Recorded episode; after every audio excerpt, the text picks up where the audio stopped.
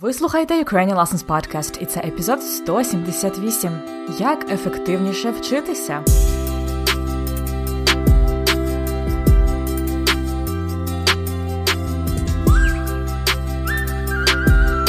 Добрий день! З вами знову Анна Огойко і подкаст Уроки української. Подкаст для всіх, хто вивчає і любить українську мову.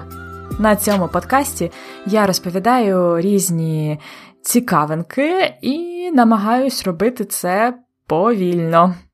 Сьогоднішній епізод про те, як краще вчитися. На цих зимових канікулах у мене було багато часу, і я проходила курс на платформі Coursera під назвою Learning How to Learn. Ви знаєте, мене дуже захопила ця тема. Тому, крім курсу, я також прочитала кілька книг. Зокрема, це книга під назвою Make It Stick. The Science of Successful Learning. Це книга трьох американських професорів, е, яка була видана в Гарварді. А ще в аудіоформаті я прослухала книгу Бенедикта Кейрі How We Learn. Я вже поділилася своїми порадами на цю тему на youtube каналі для українських старшокласників. Мій канал називається На всі 200. Якщо вам цікаво, можете подивитися те моє відео. Я залишу посилання на сторінці епізоду ukrainianlessons.com риска епізод 178.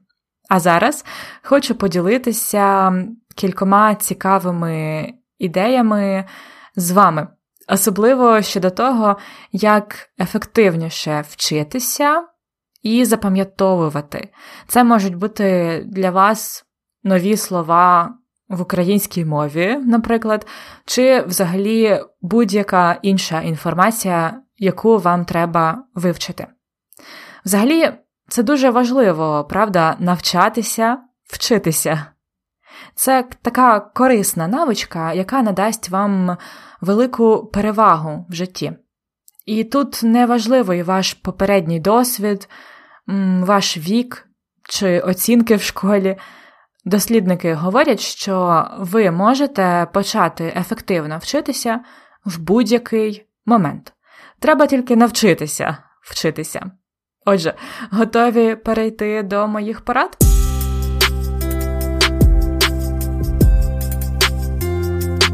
Як вчитися ефективніше? Основна порада, мабуть, така: ми краще і надовше пам'ятаємо те, що викликає у нас сильні емоції, або те, що ми регулярно відтворюємо. Розгляньмо це твердження детальніше. Ми запам'ятовуємо краще те, що викликає у нас сильні емоції. Я часто отримую від вас листи чи читаю ваші публікації в нашій групі на Фейсбуці Ukrainian Learners. І досить часто там бувають такі історії від тих, хто вивчає українську мову, про те, як, наприклад, ем, дідусь приїхав до Америки з України і часто говорив одне слово за обіднім столом, наприклад, слово смачно. І Уже людина, яка виростала в цій сім'ї, запам'ятала це слово з дитинства, тому що це слово для неї було дуже емоційно сильним. Це слово було пов'язане з дідусем, з сім'єю, з дитинством. Ми дуже добре запам'ятовуємо щось, що викликає в нас емоції. Наприклад, той день, коли ви вперше водили машину самі, без інструктора, чи взагалі коли склали на права. Можливо, ви могли запам'ятати багато специфічних деталей того дня, наприклад, що ви їли, чи кого зустріли в той день. Я, наприклад, чудово пам'ятаю день, коли склала на права. Пам'ятаю, я пішла обідати в кафе кураж і їла там великий бізнес-ланч, такий комплексний обід. Отже, ми запам'ятовуємо добре те, що викликає у нас сильні емоції. Але проблема в тому, що ми не завжди можемо викликати в себе ці емоції, особливо якщо це щось, що нам не дуже цікаво, чи щось, що нас не надихає. Тоді треба використовувати інший спосіб запам'ятовування інформації, а саме відтворення. Англійською мовою це термін retrieval practice або recall. Важливо постійно чергувати вивчення і відтворення. І саме це буде зупиняти процес забування. Насправді, відтворення, практика, отой момент, коли ваш мозок сильно напружився і дуже активно працює, щоб щось згадати, це і є найкращий спосіб навчання.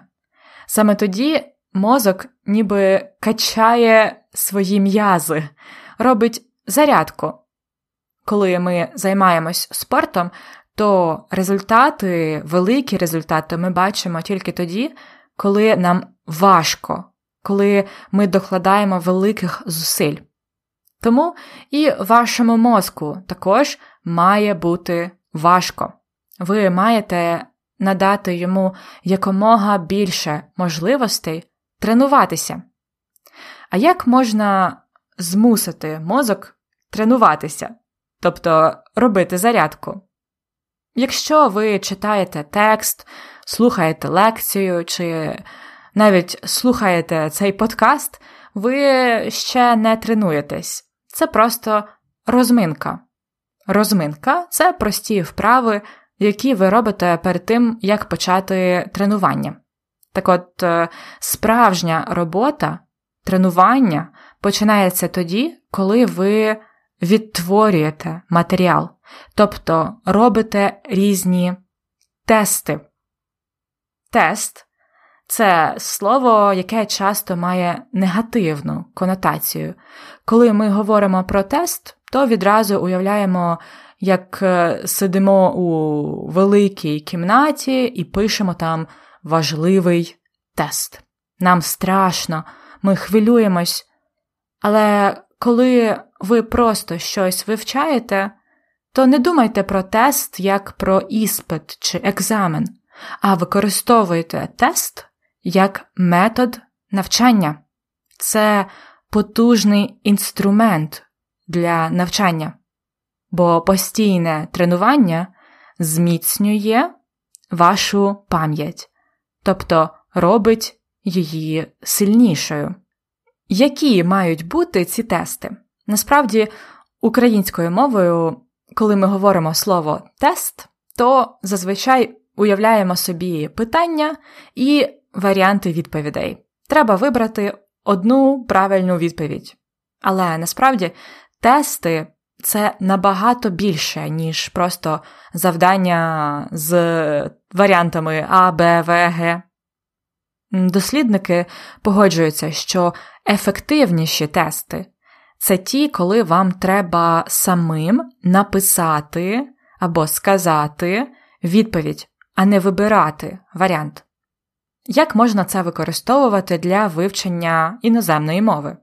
Я, наприклад, зараз вивчаю шведську мову, і в мене часто бувають проблеми з формами дієслів. Я не впевнена, яка там точно форма дієслова в минулому часі.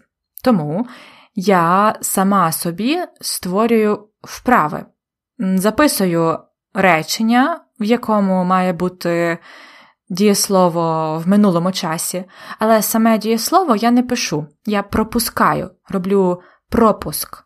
І так е, я складаю для себе кілька таких речень з різними дієсловами. Тоді, через кілька днів, я беру ці речення і маю туди вписати дієслова. Я не вибираю з варіантів, а сама маю вписати дієслова. Якщо я відповідаю правильно, то супер.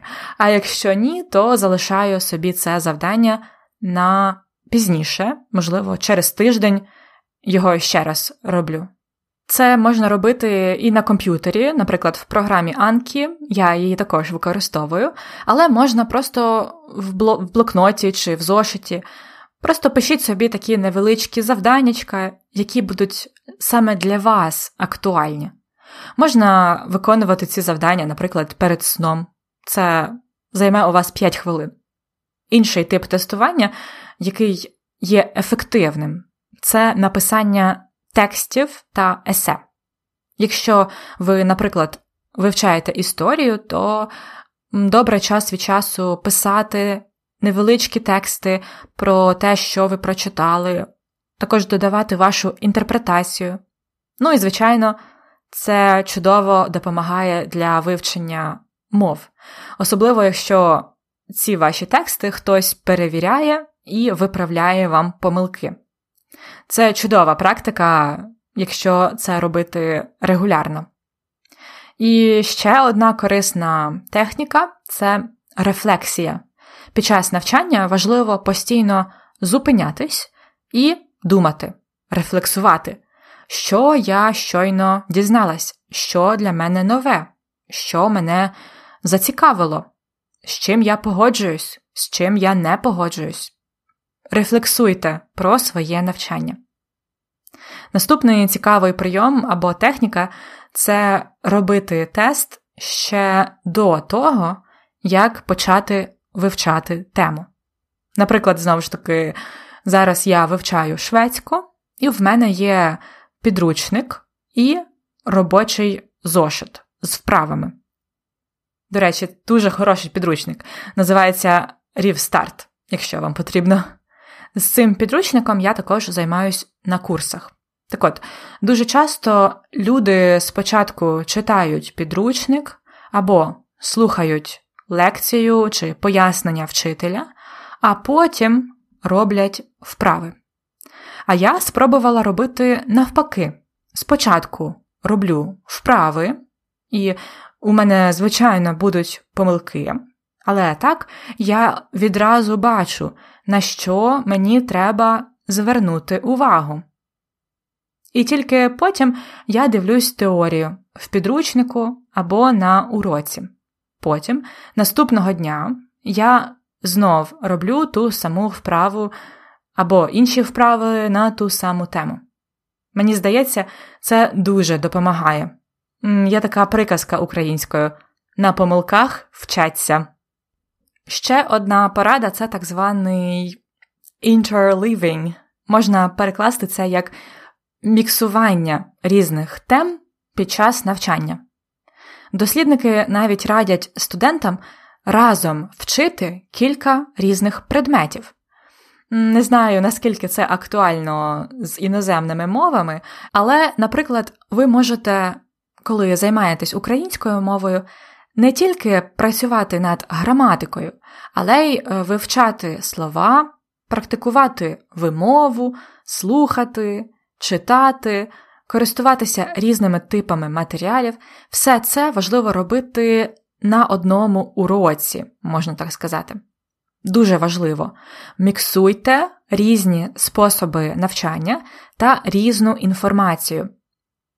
Так само, якщо у вас є підручник української, чи ви слухаєте мій подкаст, не потрібно просто брати і проходити підручник сторінка за сторінкою, тема за темою, тобто по черзі.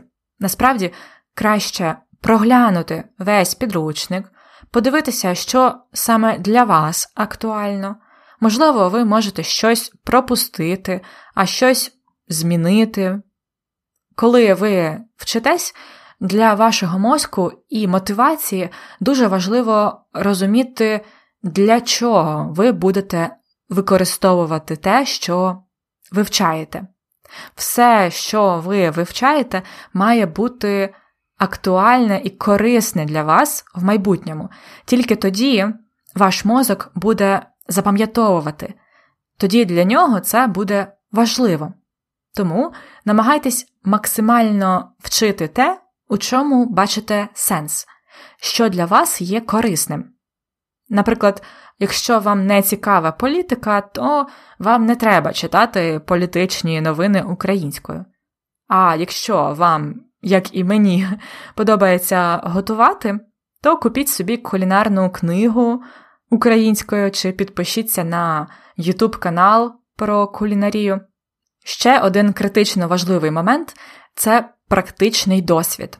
Я називаю цей принцип не зубріть, а робіть. Зубрити це інтенсивно щось вивчати за короткий час, фактично тільки для того, щоб скласти іспит, просто механічно запам'ятовувати інформацію.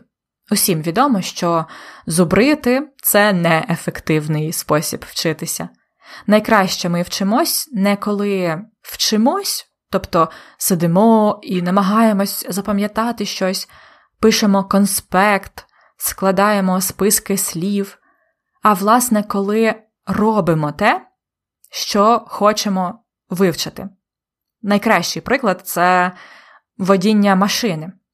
Ви не можете просто прочитати про те, як водити машину, чи подивитися відео, чи просто скласти на відмінно тест на комп'ютері. Ні, потрібно сідати і водити машину. Потрошки кожного дня. І так само з мовою. Насправді, я якраз серед тих людей, хто любить сидіти, вчитися за столом, з підручниками, там все підкреслювати. Інколи я забуваю, що якщо я просто буду сидіти вдома і читати, підкреслювати, то я швидко потім забуду, що я вивчаю. Це просто трата часу. Тому настільки важливо, особливо інтровертам, пересилювати себе, виходити з зони комфорту і спілкуватися з людьми мовою, яку ви вивчаєте.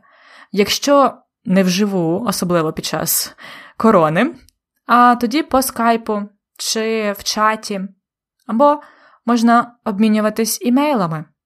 Не зубріть, а робіть. Наступна порада це інтервальне повторення. Саме за принципом інтервального повторення побудовані наші картки Анкі, які ми створюємо для преміум підписників.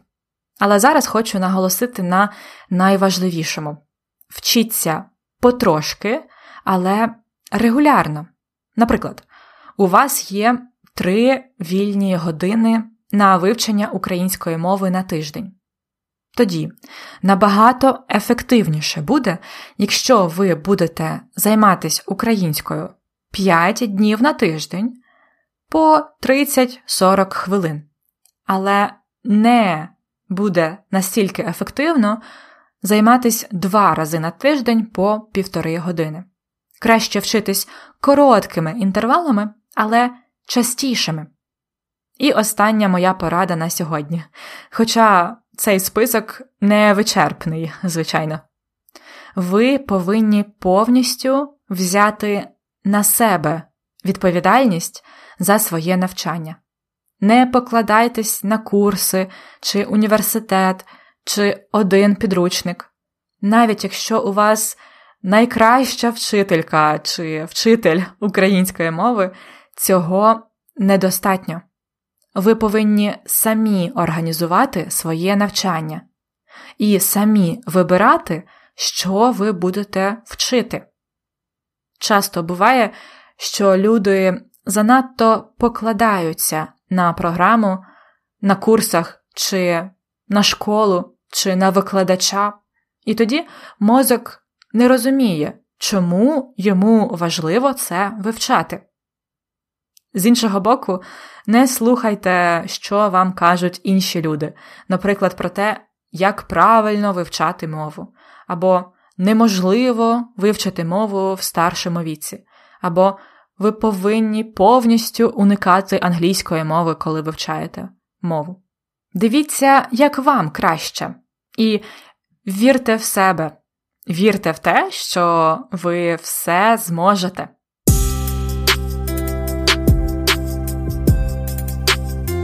Десять корисних речень.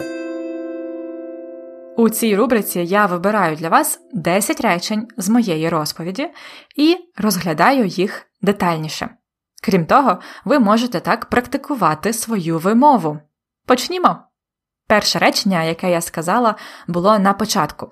Мене дуже захопила ця тема. Тобто тема навчання і кращого запам'ятовування. Захопити означає взяти щось чи когось силою. Наприклад, злочинці захопили заручників. Але також ми вживаємо це слово, щоб сказати, що нас щось дуже зацікавило. Ще ми говоримо поглинуло з головою. Тобто ви багато часу щось робили, і це вас захопило. Вам так цікаво це робити. Повторіть ще раз. Мене дуже захопила ця тема. Отже, яка була моя основна ідея на початку? Пам'ятаєте? Я сказала, ми краще і надовше пам'ятаємо те, що викликає у нас сильні емоції, або те, що ми регулярно відтворюємо. І далі я сказала: розгляньмо це твердження детальніше. Розгляньмо. Це наказовий спосіб, дієслово розглянути, це подивитися на щось детальніше, на щось абстрактне. Погляньмо на щось з прийменником на, або просто розгляньмо щось без прийменника. Розгляньмо це твердження детальніше. Твердження це якась чітка думка чи ідея, яка щось підтверджує. Це твердження. Повторіть повне речення. Розгляньмо це твердження детальніше. Далі речення номер 3 було про слово тест. Це слово, яке має негативну конотацію, мати позитивну чи негативну конотацію. Конотація це слово є також в англійській мові, це певні асоціації про слово чи поняття. Так от слово тест має негативну конотацію, викликає негативні асоціації. А яке слово для вас має позитивну конотацію? Може, наприклад, Україна чи Різдво, якщо ви святкуєте Різдво? Повторіть ще раз. Це слово, яке має негативну конотацію. Наступне речення номер 4 також про тести. Я сказала, що тестування це потужний інструмент для навчання. Потужний це дуже сильний. Інструмент також можна сказати засіб чи метод навчання. Повторіть ще раз. Це потужний інструмент для навчання. Наступне п'яте речення. Зубрити це неефективний спосіб вчитися. Отже, зубрити це вчити щось на пам'ять, зазвичай прямо перед тестом. Це неефективний спосіб вчитися. Зубрити це дієслово, а іменник зубріння, cramming, зубріння, зубрити, зубріння. Повторіть. Зубрити це неефективний спосіб вчитися.